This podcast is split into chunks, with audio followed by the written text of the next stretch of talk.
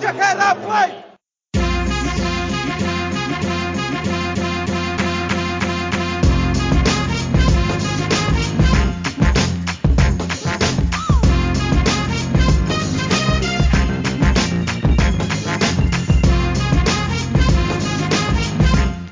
Jojo, jaz sem Matej Petek, tokrat pa smo za vas pripravili, um, upam si trditi, pravo košarkarsko poslastico, vsaj za ljubitelje ne samo NBA košarke, temveč tudi evropske košarke in košarke nasploh.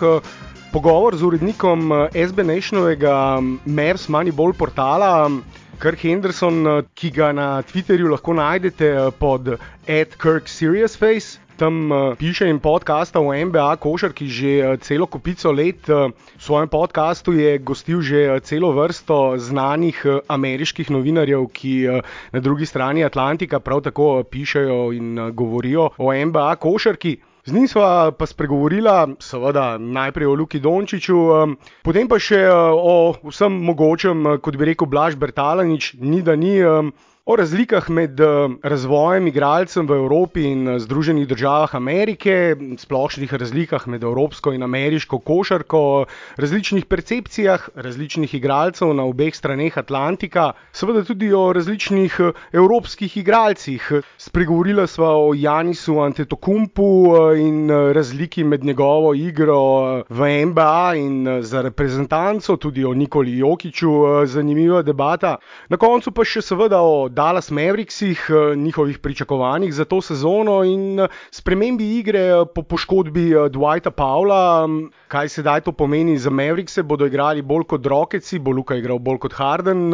In povsem na koncu še nekaj splošnih napovedi za sezono, in mislim, da vas bo njegov odgovor, koga vidi v finalu, presenetil. Zato, seveda, da ne bom zgubljal časa, bi vas samo na hitro zaprosil, da si vzamete tisto sekundo časa in stisnete tisti všeček, se naročite na naš SportInfoC YouTube kanal, če tega še niste storili, in če lahko enako storite tudi na naših SoundCloud in iTunes platformah, na vseh platformah lahko tudi pustite komentarje.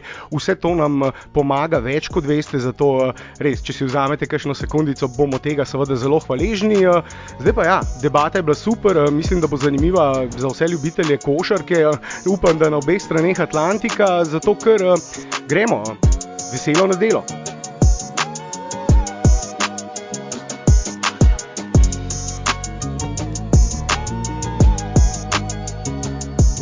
I'm joined today uh, by Kirk uh, Henderson, the editor of uh, Mavs Moneyball SB Nation site.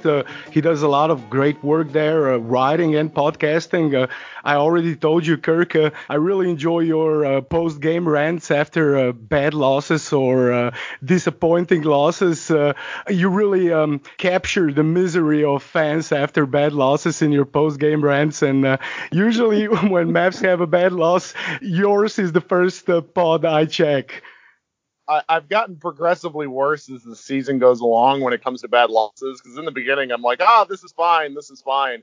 And now, just because of the time of the season, every bad loss, I feel like the world is ending. So I just scream into the void, and you all happen to listen to it. Yeah, I'm sure playoffs are going to be good if Mavs won't perform as uh, well as we want them or expect them to. Also, the podcast, Mavs Moneyball podcast on iTunes, and uh, Kirk Your Enthusiasm, the best podcast title there is. I got to congratulate you on that. And uh, let's just get into it because um, we have a lot of things to cover and uh, not a lot of time. So I sort of became aware of you uh, when Luka was entering the 2018 draft uh, during the whole pre-draft process when you were one of the few people, at least that I noticed on Twitter and social media in general from US, of course, uh, talking uh, about Luka very early on and talking about wanting Mavs to draft Luka, talking about his potential.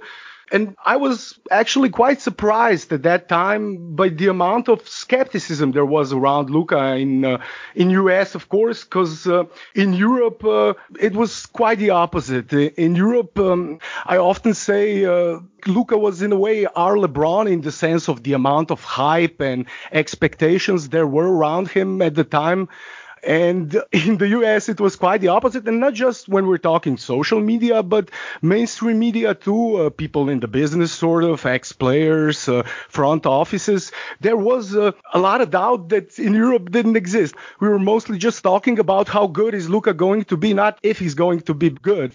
We were talking about if Luka is going to be a top 25, uh, top 20 player in the NBA, maybe a few time All Star in his career, or is he going to be a perennial All NBA player and an MVP candidate?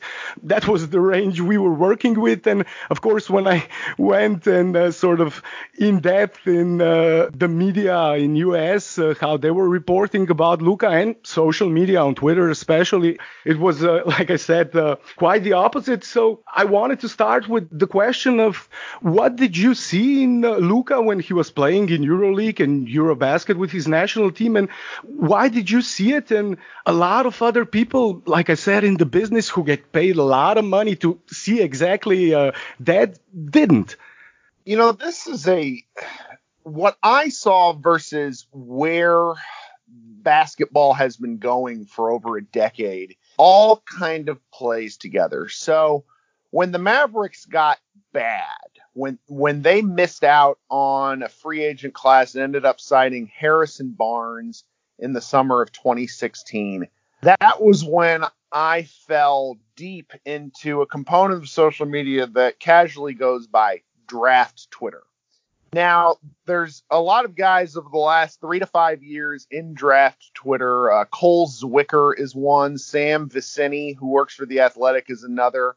Of guys who were basically men like you and me who spent a ton of time going through tape and watching games of all of these prospects because within the last I would say, you know, as YouTube has exploded, there's just so much access to tape and to see what what players are out there, what they're doing. You know, whole EuroLeague games I think are sometimes available online, even if they get taken down after copyright issues, where you can go and see players that you know 10 to 12 years ago the general public wouldn't have had access to.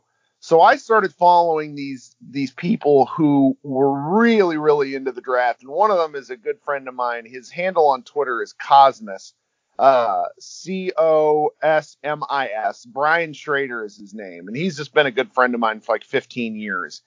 And he simply told me that I need to start following Luka Doncic.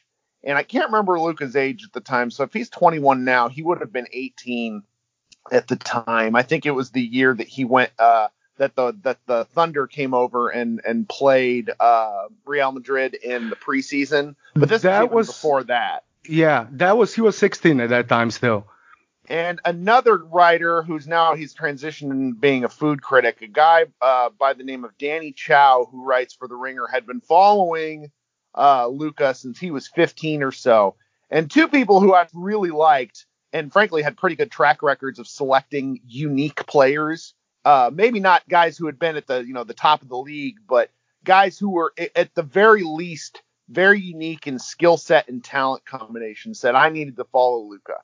And so that resulted in me really doing my own deep dive into who was going to be available. And like any, you know, basketball fan, particularly American basketball fan of the last 25 years, it is so easy to fall in love with the measurables of the various big men who are going to be available that draft. It's very interesting beyond Luka, the other guy that I was told to pay attention to was Jaren Jackson Jr., who was then playing at Michigan State, who ended up going fourth to the Memphis Grizzlies and is having a really under the radar but spectacular sophomore campaign. So I was looking at all these guys, you know, Luka and Jaren were essentially on, I would say, the fringe top seven, top eight heading into that particular calendar year. And the more I watched and the more I thought about how basketball has been played, particularly in the playoffs in the NBA, it has the last real big man to win a title as the big man on the best team was Dirk Nowitzki in 2011 and he played more of a perimeter based game. So I did not want a big man the more I thought about it. So I hitched my wagon to Luka mainly because I thought he had an exceptional floor, meaning he would be a guy who, no matter what in the league, he was not going to bust because of the combination of size and overall basketball smarts, which the things that I could read and the things that I could see online, he was clearly a generational talent for European basketball. So why that wouldn't translate into American basketball really never made sense to me. So that was how I kind of hopped on the Luka bandwagon early. I berated Mavs fans about this because there are people I know. there and well, I mean, I was right, and I knew I was right because he's just like I didn't think that what we experienced so far was going to be in the realm this early, but I knew he would be a spectacular rookie early on. It's just the way basketball is played now, and I thought if Rick Carlisle would give him a little bit of rope, he would be special. And it ended up we're all, you know, people who have been on Luka bandwagon much longer than I you know, could could have predicted this, you know, six, seven years ago. He's that kind of special talent. So that's how I arrived on the bandwagon. Later than most uh, worldwide, earlier than most in America. Definitely, because in Europe, uh, most of basketball fans were really aware of Luka at least in the region, since he was maybe 13 at the latest, at least those who really follow basketball, but also wider in the entire Europe. Uh, he had a 50 point triple double at a tournament uh, at age 13 and that's how he got to Real Madrid, how he got to transfer uh, to Real Madrid. That performance for his local team uh, in Ljubljana was what really sort of got him on the map, and that was already at 13. And a lot of basketball fans followed him pretty much since then on. And yeah, so far he hasn't disappointed. But you made uh, a few interesting points, and I wanted to touch on the topic of development of players in US versus Europe because maybe that speaks to uh, the issue we're talking about. Uh, the sort of mistrust of uh, American fans, or maybe even people in the business, towards um, European basketball, their way of developing players. I mean, the thing that really surprised me the stereotypes, cliches about European players that I've read and seen, not just again on social media, but in sort of in quotation marks, uh, respected publication sites, uh, mainstream media, and it was um, quite surprising. So, is that connected to the way players are developed? And if you could talk a, uh, a little bit about the way players are developed in uh, US. Well, Luka faced a little bit of an uphill battle just from a positional point of view because at the time no one could figure out if he was an off-ball player or a or a, a point guard because the way he has been used and and at least you know particularly with, on the on the Slovenian national team and as well as you know playing for Real Madrid, it he's often succeeded with a secondary or even as a primary or as a primary ball handler. He succeeded in both positions. So I think he faced a little bit of an uphill battle there because whether he would be classified as a ball dominant guard or as an off ball wing, there simply haven't been that many European big men wing or uh, bigger wings who have gone on to have outstanding careers. Now guards, it's a little bit of a different uh, uh, position because you have um, God, what Drazen Petrovic? Uh, yeah, uh, Dražen Petrovic.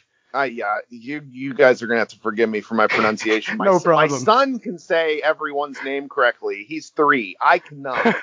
um, and then you have obviously you, you you have Goran, and there are a number of other you know examples of guards. So I think that was a little bit of a problem in terms of perception. Uh, as far as development goes, American basketball is very confusing to me.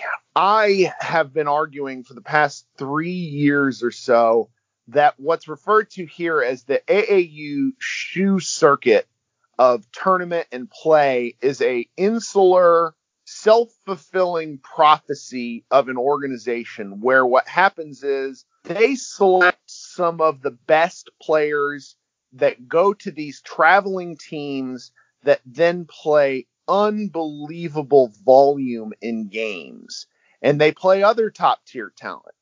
And then essentially they get put on these ranking lists that don't change much between when these guys are you know, two years out of college or NBA basketball all the way to when they get drafted. So they're essentially a static list between three and five years out. A good example of this that you would be fairly easy to track is there is a player in this year's draft named James Wiseman. He played a few year or a few games at the University of Memphis before he was ruled ineligible. If you go and look at his various rankings throughout the years, he's always been a top five prospect. Well, on what planet is a big man going to be a top five prospect in today's NBA? There are maybe five post players, center type players in the NBA that are absolutely franchise worthy.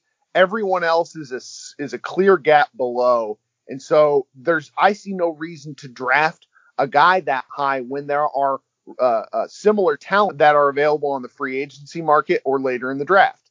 Anyways, you were asked uh, uh about development. And so these guys don't, in my opinion, American basketball from a high school level is not great at skill development because what happens is so many of these players end up just playing in games. I remember I'm 30. When I was in the high school circuit, I played anywhere from 10 to 12 games on a weekend. We're talking uh, like so much volume. And the thought was, and I, I understand it, I guess, is that the more you play, the more you're using your skills, the more you're you're figuring out what you're good at.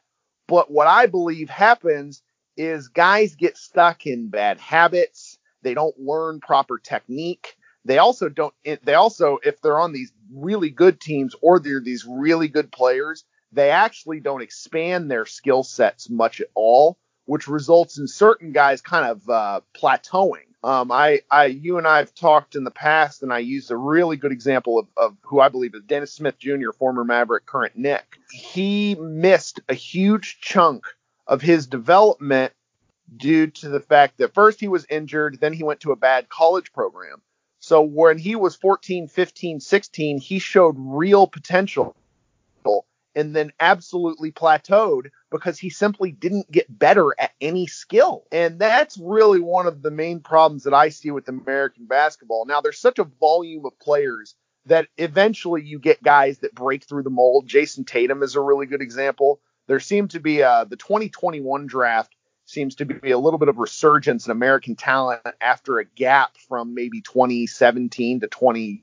I mean, now, frankly, uh, where there's not been a ton of top tier talent at the top at, at, as far as the NBA and professional uh, draft prospects are concerned. Did I answer your question? It was kind of a big question. They're all going to be probably at least in our first spot, and I hope you'll be able to join me again so we'll go more in depth. But to continue sort of that discussion, how is uh, the way uh, we develop players here in Europe uh, looked at in um, US? Because that sort of probably speaks to. Um, some of the reasons why Luka didn't go as high. If he uh, had played in uh, US, if he gone through the whole system, uh, AAU basketball, played in college, he probably would have been drafted higher. Even if he was like an international player who just moved, there are many examples. Ayton in his draft, uh, he moved to U- US when he was, I don't know, 14, 15. So if Luka did that and if he'd gone through the whole system in US, would he have been drafted higher? I think he might have stood a chance. I'm really not sure. I also I, I think the European uh, particularly his club's model for for developing him was really effective because his talent broke through repeatedly if i understand his if i understand his his history. Over here i'm not sure he would have had a chance to develop some of the skills in the proper way. That has been my biggest beef with american basketball. Now i am speaking purely from an opinion point of view. I'm not necessarily correct, but you would assume based on the volume of people that play basketball here compared to say your country that people would have better skills. One of the things you and I have kind of jokingly laughed about the last several days is how bad Americans are at shooting the basketball relative to the number of players who who uh, play here.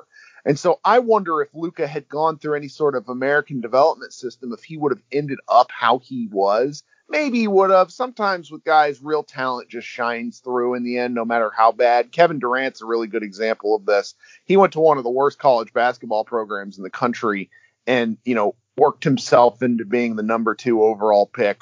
Uh, it's it's very sometimes talent just shines through, but I I think with the you know the second and third tier, essentially your guys who are non superstars but are still NBA players. I I just feel that the European system has got to be better at developing at developing players.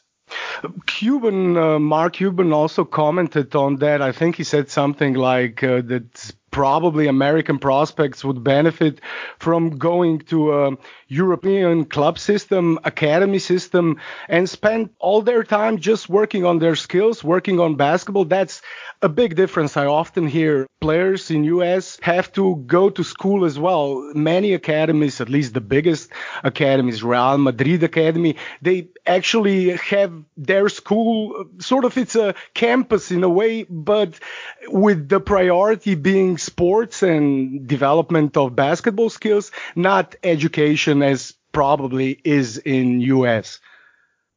I mean, the the American college system is a little bit of a sham. 30, 40 years ago, it made more sense, but the number, I can't remember the number of the top division for American college basketball. There's something like 400 teams. You know, 30, 30, uh, wait, 30 guys get drafted in the first round every year, 30 in the second round. There's only 60 available professional slots in the NBA. And I know there's a number of European clubs that end up picking up college guys every year, but most people who play college basketball in the United States do so because they like it and they want to do something, and just continue to play basketball at a high level. The really good colleges are are essentially I hate to make you know, be this blunt about it, but they're essentially fronts for basketball organizations. People that go to these colleges like Duke, they don't actually, you know, they go to some classes. Maybe the guys in the back end of the bench do. But like Zion Williamson was in class, he was at Duke for seven months and then he was going to become a professional athlete. I bet he didn't, you know, class and that sort of stuff is definitely secondary, which the model was designed to put education first, but there's so much money in, in college basketball and college sports in, in the United States that it's just become a big business and it's a shame that players don't get paid. And it's going to be interesting to see if uh, more American prospects might take the route of maybe LaMelo Ball, uh, who went to Australia this season uh, years ago. I think Jennings uh, went to Europe before a draft, but those examples cases are still extremely rare. And it's going to be interesting to see whether maybe some more American prospects go abroad uh, before they go uh, to the draft, or which is probably more likely, uh, the NCAA system will change and maybe start uh, paying players, which I always hear is a big topic around college sports in general.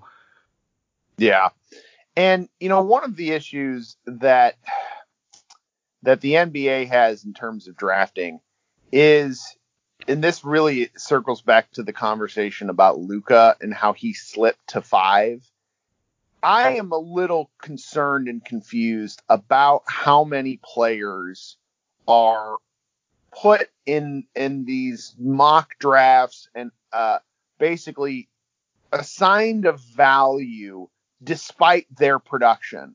There is a uh, there's a player right now at the University of Georgia named Anthony Edwards who is kind of considered a consensus top 10 pick and yet his oh you know he he can barely hit a three pointer. He's shooting, you know, almost about 30% from three. He doesn't really pass the ball that well. He doesn't really rebound the ball that well. The there's an emphasis in the United States on on intangible things like wingspan and height and really pro- projection out over what guys do production wise. And sometimes it makes sense because when when you see a guy like oh, oh we'll go way back. Kevin Kevin uh, Garnett. When Kevin Garnett went fifth overall he was the best player in that draft. And he should have gone higher. And what happens is over years you get these intent like these more measurement based things that take priority over actual production. And NBA teams in their arrogance think that they can correct things, you know, essentially teach a guy to play basketball by the time they get to the NBA. Well, as you and I have mentioned, it's the most important developmental cycle as far as I'm concerned is when a player is, you know, 13, 14, 15 up until about age 22. After, you know, you're you're when when you're in your early 20s, if you haven't developed a shot by then, the likelihood of you ever developing a shot go it just goes way down. You've had the time, you've had the practice. And for for Luka to slip in the draft was an example of all these GMs having almost too much time, too much access to tape, and were being worried about things despite what was right in front of them. And you're going to see that again this year. There's another player named Cole Anthony who plays for the University of North Carolina who is shooting something like 30% from the field, not mm. three point line, like from the field. And he's he's going to be a top 10 pick and that doesn't make sense to me. If you're 19 years old and you're playing against mediocre competition and you're unable to hit shots, that's not going to get better when you go to the NBA. That's what made Luka's trajectory so obvious to me because every time he moved up, he played better. Yeah, he he made a considerable jump every season, and I wanted to ask you, didn't Steph change anything? Because maybe I, am not going to say the best player, but maybe there was a season or two where he was the best player in the NBA and arguably the best shooter ever. Maybe not even arguably, didn't go through this AAU system and all of this. So didn't he change the perception of uh, GMs, uh, people in the business, scouts, um, of you, the value of skills, of the value of shooting? Should. You think he should, but judging by what we keep seeing in drafts, I just don't see how. Now, talent comes in waves, and the way basketball has always been, particularly in the NBA, there is a clear you know, you look at the the All Star game's a pretty good example of this. But even within the All Star game, you can see that there are 10 to 12 to 15 guys who are significantly better in a in a kind of just in abstract than their than other guys. So when it comes to draft related stuff, production you'd think that production would get valued properly at a certain point and it just isn't. NBA GMs and front offices are just so married to intangibles because they don't want to miss on the guy who just needs the right situation. And I guess I understand why, but there have been it's it's pretty incredible. The 2018 draft is one of the best in the last probably 15 to 20 years and still they missed on the top two players by a wide margin because I still consider uh, Luka and Jaren Jackson the best two players, and then there's there's Trae, I guess, who would probably be third. And again, those guys were not none of those. The, those were the the third, fourth, and fifth picks, not the top two. It's just it's very it's very confusing because the NBA and, and front offices, and I'm sure you see this in, in European, clubs. in that there are often you assume these people are often the best of the best of the best in terms of being in their job and that's simply not the case a lot of nba teams are, are really run like small businesses where they have you know very small uh, groups of scouts and and gms and people are so concerned about making the wrong move that sometimes they overthink things which is how we get into these these positions where a guy slips and falls in the draft and where um, you know the obvious pick goes fifth instead of first. Yeah, I mean, it's interesting that in this 2018 draft, and I completely agree with you, it looked like it's going to be a great draft, and so far it's looking even better. It truly is an amazing draft, and it's a lot of fun following all of those talents. But it's interesting um, to see that besides Luka, the other most skilled arguably the most skilled player in the draft Trae. Yeah, just like Luka slipped in the draft. And I have to say, when I was watching from my perspective, uh, when I was watching Trae playing in the uh, NCAA for Oklahoma, I actually had him second, and I also love Jaren Jackson. I had him third, but I had Luka as number one and Trae as number two, exactly because they were the most skilled players. They could shoot, they could pass. Both had incredible vision, which is really important. And when you have that vision and you have that passing skill, and you can shoot too, it's almost like in today's NBA, you almost can't miss. I mean, it's almost impossible to miss. Right. Well, then let's just move on. Uh, we were also talking about just in the past few days about Giannis, uh, about different international players. Maybe I'd like to expand it because from our perspective, uh, Giannis and Jokic are two of, uh, besides Luka, two of the most more exciting uh, international talents, uh, or the most actually. Probably it's uh, Giannis, Jokic, and Luka, or am I missing somebody? Or no, that'd be my three. Yeah, yeah, it has to be. I mean, there maybe are other... Rudy, but I just don't. I just don't care for defense. is uh is Rudy still under 25? I oh, think. I guess he's not. No, you're right. You're right. He's 27. Rudy was somebody who maybe like in NBA they didn't expect he's going to be this good, this sort of a defensive presence. Yeah. But um, yeah, he's another uh, great international player.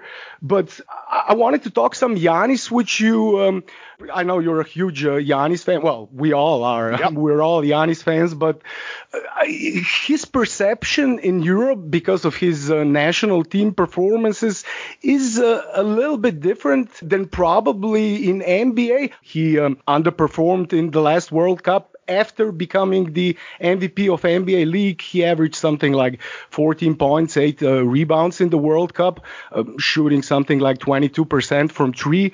And I was wondering, um, well, let's just start here. What do you think about Giannis? Is he uh, the sort of a player who can lead an NBA team to the title? Uh, I do. I really think he's he's just a he's the most scary player since LeBron, and before that, it was Shaq. There's a physical uh, component to his game paired with, and this is really the most important part, the way the rules are and the way fouling is called within the NBA. Giannis is is arguably the perfect player right now for how the league, how the NBA is set up. And the defensive three second rule is easily one of the the biggest. He's one of the biggest beneficiaries because when they run these high screen and rolls and when he's attacking the basket, you just can't. That weak side defender has to make a choice when coming. He can't just camp out in the lane and clog it up, which results in you know Luke, uh, which results in basically all these big. It's going to be Luka. it's going to be well. Luka does the same stuff, but uh, he's he's. I think he's got better mid range touch. No, I mean he's going to be passing to Luka because. Maybe so.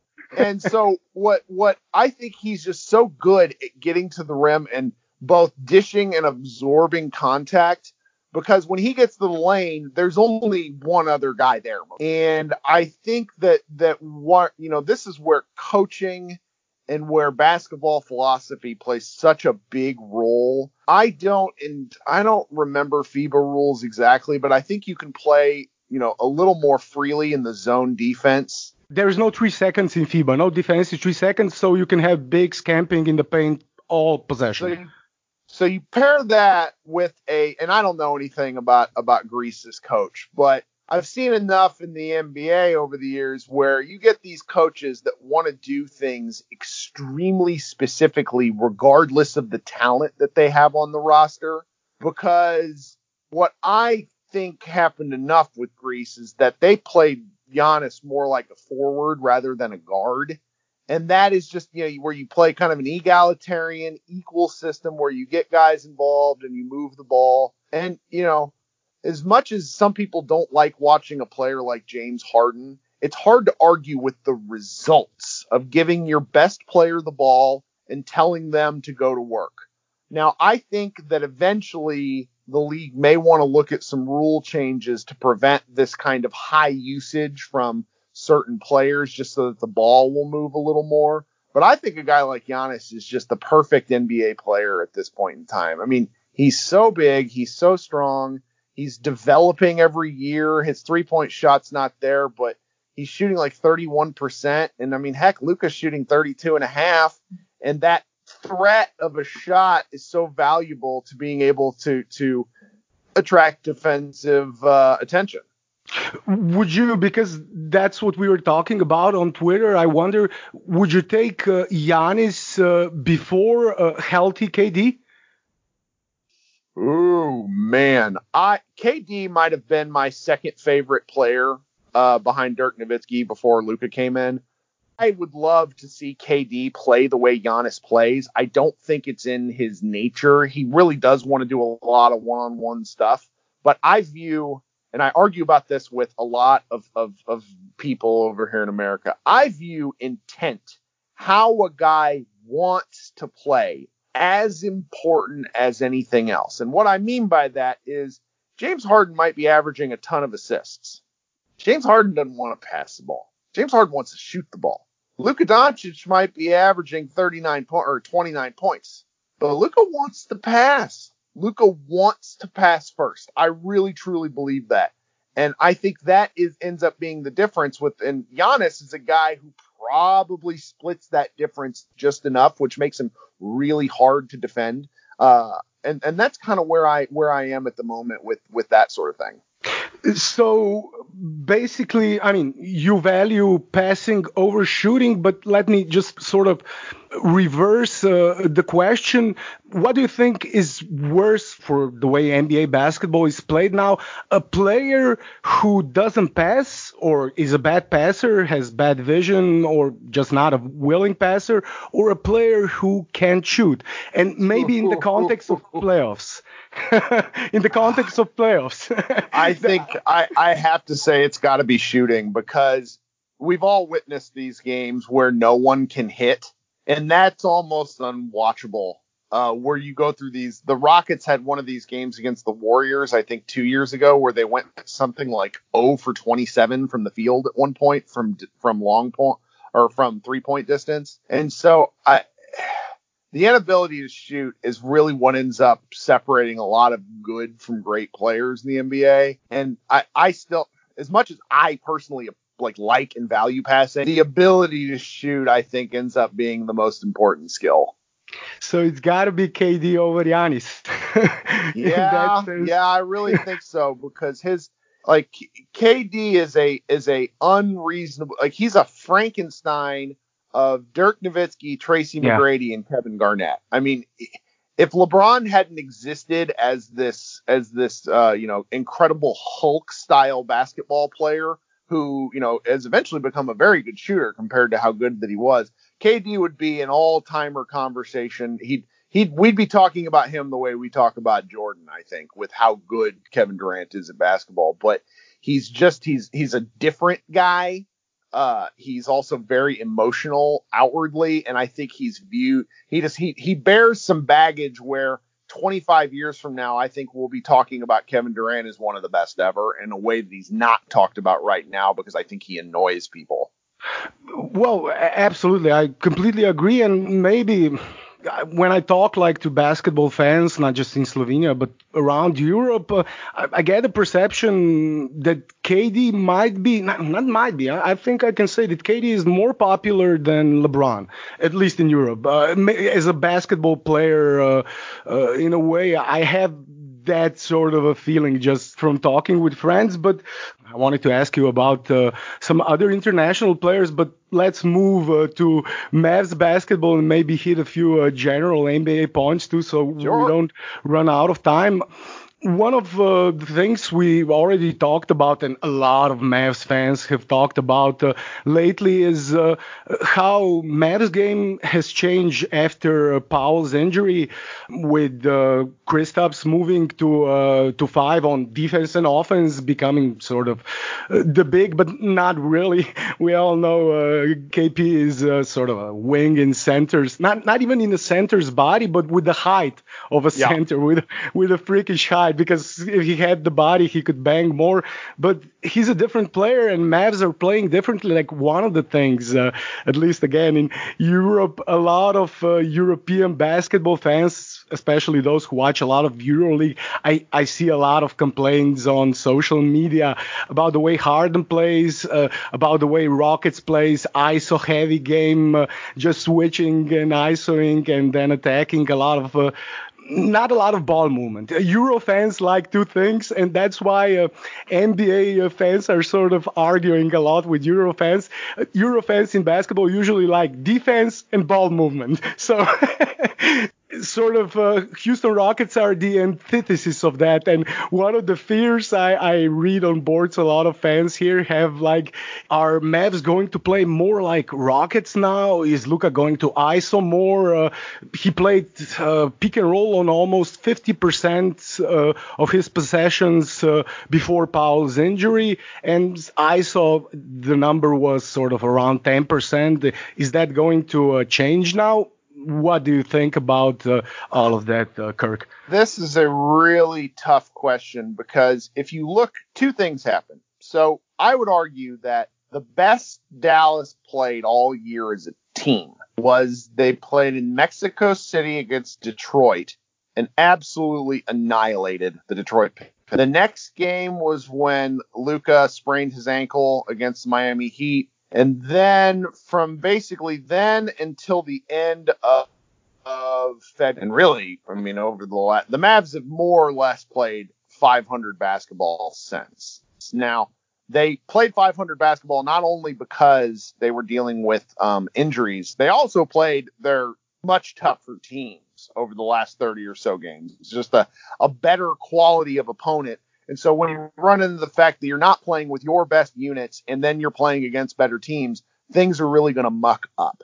I'm very curious to see how things stay different without Powell. I valued Powell. I, I how about this? I trusted the numbers despite really not liking watching Dwight Powell play basketball. Yeah, just... I didn't get the Powell hate on uh, Mavs Twitter. That was one of the weirdest sort of things to me. Like, are we watching the same game?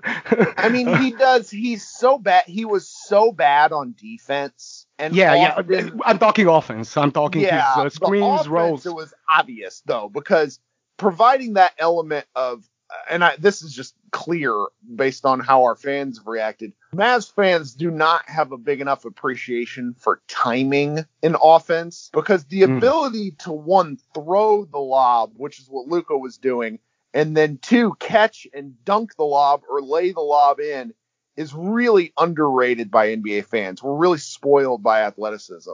But that element of the offense being gone has really caused some problems despite the fact that the offensive rating looks pretty good. I do think that over the last 10 to 12 games, Porzingis really started to play with more force. Um, I don't, I, I can't really explain that other than to say I thought he was moving at the basket with more of a purpose. He was avoiding contact less and he was being more decisive when he would get the ball and while I do think that the Mavericks will play a little more ISO heavy, I think Porzingis playing with more confidence is going to open things up for Luka in a way that his shooting or really his threat to shoot was doing previously. Um, they, I personally believe they need to run more high pick and rolls with uh, Porzingis. But the thing is, and this is a really dirty secret uh, for for casual fans would have no idea about this, but I bet hardcore European fans see this and scream. No one in the NBA can set a screen. No one. And that includes Luka. to be quite honest with you. They they Steven Adams is a good screener. I mean Powell was a good screener. Great. That, yeah, yeah, by NBA standards. Yeah, absolutely. And he his timing was good. All all KP wants to do is slip the screen. But yep. if they can get into his head that if he just holds that screen a little more, and if Luka will come off those screens at a slightly different angle, sometimes he uses it just mainly as a going through the motions bit. I think that the Mavericks still have a, a chance to really find new elements of their offense. I'm a, you know, I really miss, you know, just seeing those easy. I, I, Luka's assists are going to continue to drop, because he was getting two to three easy assists to Powell a game, and those just aren't there anymore. Yeah, uh, absolutely. Um, the timing that you talked about is crucial here. And also, I mean, I see a lot of talk about how um, KP has to sort of adapt Luka, but it works both ways. Luka has to adapt, sacrifice some of his game for KP too, probably for both to succeed. And maybe it's not just like, maybe the next level is not to use him as a center on offense, uh, as a big on offense, but like run just more wing sort of plays for him. Maybe that's how he can be more productive offensively, not just increase the pick and roll. Because yeah, even in Europe, when I watched him, like in Eurobasket, I just recently uh, watched uh, back a few games of KP playing in Eurobasket. That was in 2017, right when he became All Star the next season, and then of course tore his knee like uh, in January, I think, or uh, beginning of uh, February. But that was probably peak KP at Eurobasket 2017 and the beginning of uh, the season with the Knicks then. And yeah, I mean, at least in Eurobasket, yeah, he was like killing Slovenia, killing us uh, in that game, basically just by shooting, by running off screens and stuff like that. I mean, that's where he really is pretty much unstoppable, the biggest mismatch probably. Well, and his shot, I complained about this all year long. Porzingis' shot, anybody that compared him to Dirk as a shooter needs to go, you know, needs to go reassess their judgment skills because Dirk has one of the most unique shot forms. It's very slow, it's methodical.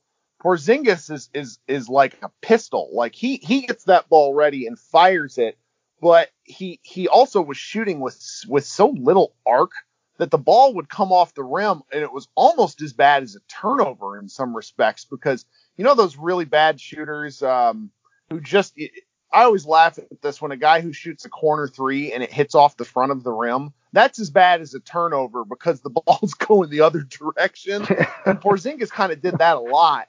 And the fact that he's just developed a little more consistency and all of us, myself included, anybody, you know, it's so you see these guys shoot in practice and they're so good at it and it's wondering why it doesn't translate to a game and you know, when he when you miss this much time as he did, you know, being off with his knee injury, I suppose it's probably smart to look at this year almost entirely as a as a year of assessment. And if he explodes next year, if he comes up down the stretch, that's really just a bonus because this year was about relearning how to play basketball for Porzingis. Absolutely, and there are many examples of guys uh, needing Paul George is a good example, needing an entire season to get back after a tough injury, especially after they've been out for so long. And I think that a lot of fans sometimes forget that he might need a whole season and we will probably see the real KP next season. But to touch on that uh, pick and roll topic a bit more, um, Carlisle always employed a dive man in his lineups, a vertical sort of threat in his uh, lineups. But also, on the other hand, Luka in Europe, the way we saw him win titles, at least the title with Real, I often like, I call him a, a pick and roll Mozart uh, a, a, long yeah. time ago. He's like the way he uh, maneuvers pick and roll is like it's my favorite thing to watch uh, with Luka. The way he um, operates in the pick and roll, the way he sees the floor in pick and roll is just something that's probably extremely unique. And when I was doing uh, comparisons before the draft, of course, writing, I often uh, talked about the guys like LeBron and Magic too. And of course, then got pronounced as a crazy uh, uh Luka Stan who doesn't know anything except uh, loves Luka. But the vision he has and the height, the combination is something really, truly tremendous to watch. And that's how he won titles so far. Basically, that was the main thing, uh, the main threat where everything sort of the alpha and omega, where everything started and stopped in uh, offense with Luka. So, do you think Mavs need a dive man? The center yes. issue. yes. The, I mean, I, I, think it needs to be KP more off, at least more than it has been. Uh, I, I don't know if we consider this year a bonus. You know, they're going to make the playoffs. They're going to be a six seven I uh, seed. I think. I I think that'll expose itself in the playoffs just because Luka is working way too hard to score the baskets that he's scoring. The dive man really helps with that. I think they should use him off ball more. That's a different discussion. Yeah. But I do think they need a dive man. I have um over the last 12 hours, I have bizarrely fallen in love with the idea of Aaron Gordon of the Magic coming to the hmm. Mavericks next yeah. year somehow. He's a he's a he's a miscast three that is essentially a modern four who does he's he's a shorter, better version of the things that Powell is supposed to be great at. Yeah, Aaron Gordon would be um, absolutely great. I mean, watching just like Luka playing a little bit in the All Star, just with Simmons on a few possessions. I mean, I think Simmons is in many ways the same. I mean, he's a miscast four. I mean, if Sixers would have used uh, Simmons like maybe um, uh, Heat are using Bam Adebayo, they're not mm-hmm. entirely mm-hmm. similar players. but comp. yeah, that's a but it, in terms of usage that's an unbelievably good comparison because Ben Simmons thinks he needs the ball all the time when we're and I get it. I guess he's good in fat in, in half court, but if you're using him as the roll man the way that Golden State used Draymond Green during their absolute heyday, offensively you become a juggernaut. It's just he guys like that would be. I mean, look, I can't even think about that. Luka playing with Ben Simmons as a high roll yeah. man they yeah. they'd have 125 offensive rating and be a riot. Or my dream, which will never happen because he will never let him go, Bam Adebayo. I have to say, like this season, he's my top three favorite players to watch. I mean, Bam is just ideal modern NBA small ball big, not even a small ball big. I mean, like he's a tremendous, tremendous uh, player. If he gets a little bit of a shot and in skills challenge, I mean, he beat uh, Domantas Sabonis in uh, uh, when he had to shoot the three. And if he ever gets a little, he doesn't need. I mean, he can shoot a little bit from uh, mid range, but tremendous player. But yeah. Yeah, yeah. Let's just move on to uh, uh, NBA. Maybe I'll just ask you like the, the most basic question: Who do you see in the finals? Who do you see winning both conferences? And of course, then who do you see winning the finals? Milwaukee out of the East, and it's not close. Anybody that says otherwise believes in uh, fairy tales and you know unicorns and stuff like that. They're just too good. I do think their main their main issue would probably be their coach, uh, who who gets in their way a lot. If you look at what Giannis is doing on a per minute basis, if they play him 38 minutes instead of 36, he he's they're going to be unstoppable. It's really it's really that basic. Out of the West, it's going to be really curious. I don't think the Lakers are built for long term success. The fact that they've been getting away with Dwight Howard and JaVale McGee as a center combo, from a health perspective, let alone production, is really quite incredible because both of those guys are older and have injury issues. And I just can't believe they're going to withstand 25 more regular season games and then 20 ish games in the playoffs to get all the way to the finals. If they get there, it wouldn't shock me, but I'm just they're not my favorite. I still love Denver. I uh, the way mm. they play. One of the things I told one of my good friends named Adam Mares, who works for a site DNVR. They cover a lot of Denver sports. Denver got started off the year poorly, to say the least, because Jokic was out of out of shape coming after uh, the, the overseas play, and he was just kind of grouchy. Because yep. he's just, I, I, don't think he really basketball is certainly not his first love. It's horse racing and basically just in, just probably eat. Yeah, he's a he's a hefty man, eating, enjoying life, whatever we want to call he it. He just said he uh, gained, uh, he lost 25 pounds uh, since the start of the season. Just posted that today. That's incredible. And 25. And he's so the the fact that they're playing how they're playing now. I see them as one of these teams that you want to the the problem with the NBA season being so long is you don't want to have what happened to the 2007 Mavericks. The 2007 Mavericks started 0 and 4 and then I kid you not went on a 52 and 4 run. They won 52 games and lost 4 times. But then they they they essentially ran into a little bit of a hitch where as a team they started playing poorly and by the time they entered the playoffs, they just weren't where they were previously during their winning stretch. And they got knocked out of the first round by Golden State. I see Denver as a team that is building momentum in a way that will be very helpful to them towards playing time or towards uh, towards playoff time. It's it's it seems a little you know hokey and almost based off of a narrative, but yeah. I just like Denver. I don't care for the Clippers, despite uh, Kawhi Leonard being the Terminator and just a cyborg. It wouldn't shock me if they get there too, but there's the, the NBA season's too long to have this many kind of weird problems. Yeah, I mean, the narrative seems to be that it's pretty much a done deal for the Clippers, or at least uh, that's the feel I get. I mean, most media, at least after the last trades.